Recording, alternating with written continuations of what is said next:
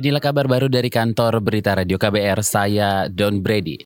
Komisi yang membidangi keuangan DPR menyatakan dari 63 pendaftar calon anggota Badan Pemeriksa periode 2019-2024, 10 di antaranya merupakan calon legislatif yang lolos ke Senayan.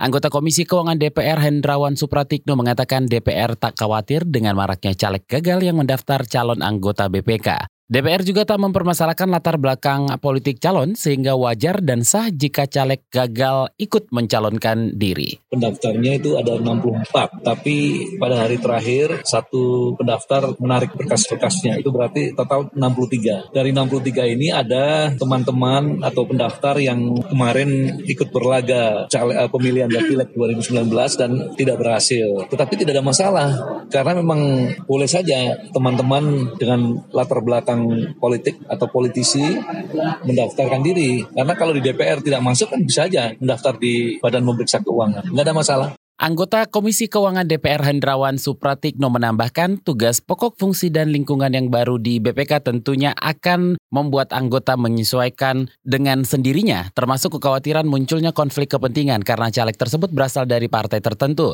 Tercatat sebanyak 64 pendaftar keanggotaan BPK periode 2019-2024 dari semua kalangan.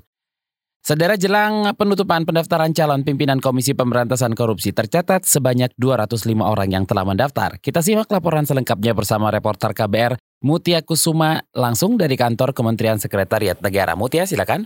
Saudara, hari ini pendaftaran calon pimpinan Komisi Pemberantasan Korupsi atau KPK akan ditutup pada sekira pukul 16 waktu Indonesia Barat. Ketua Panitia Fleksi KPK, Yenti Garnasih, mengungkapkan hingga pagi ini sudah ada 205 calon pimpinan yang mendaftar sebagai pimpinan lembaga anti korupsi itu. Dari 205 orang yang tercatat, Yenti menyebut ada dua orang komisioner atau pimpinan KPK jilid 4 yang kembali mendaftar untuk posisi itu. Sementara pendaftar lainnya mayoritas berasal dari unsur pengacara sebanyak 43 orang, kemudian akademisi 40 orang, swasta 20 orang, jaksa atau hakim 13 orang, polri 9 orang, auditor 3 orang, dan dari latar belakang lainnya. Perlu diketahui bahwa pendaftaran capim KPK ini sudah dibuka sejak 17 Juni 2019 yang lalu. Namun, Pansel KPK sendiri belum dapat memastikan memastikan adakah masa pendaftaran capim KPK ini akan diperpanjang atau tidak. Keputusan tersebut rencananya akan dibahas dalam rapat pansel KPK pukul 13 waktu Indonesia Barat siang ini. Dari Kemensetnek Mutia Kusuma untuk KBR.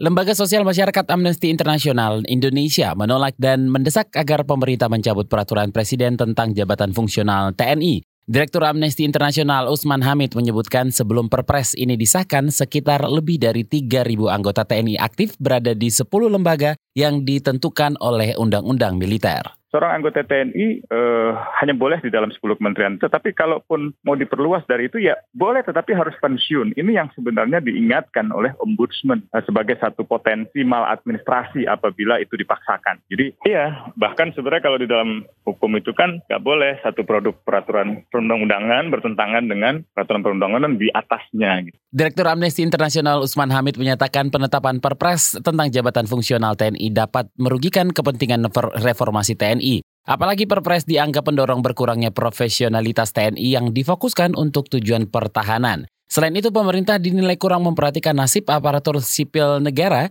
yang dirugikan karena adanya perpres di mana ASN memiliki tantangan baru untuk mencapai posisi karir di tingkat menengah dan puncak karena harus bersaing dengan anggota TNI aktif yang ditempatkan di lembaga tersebut.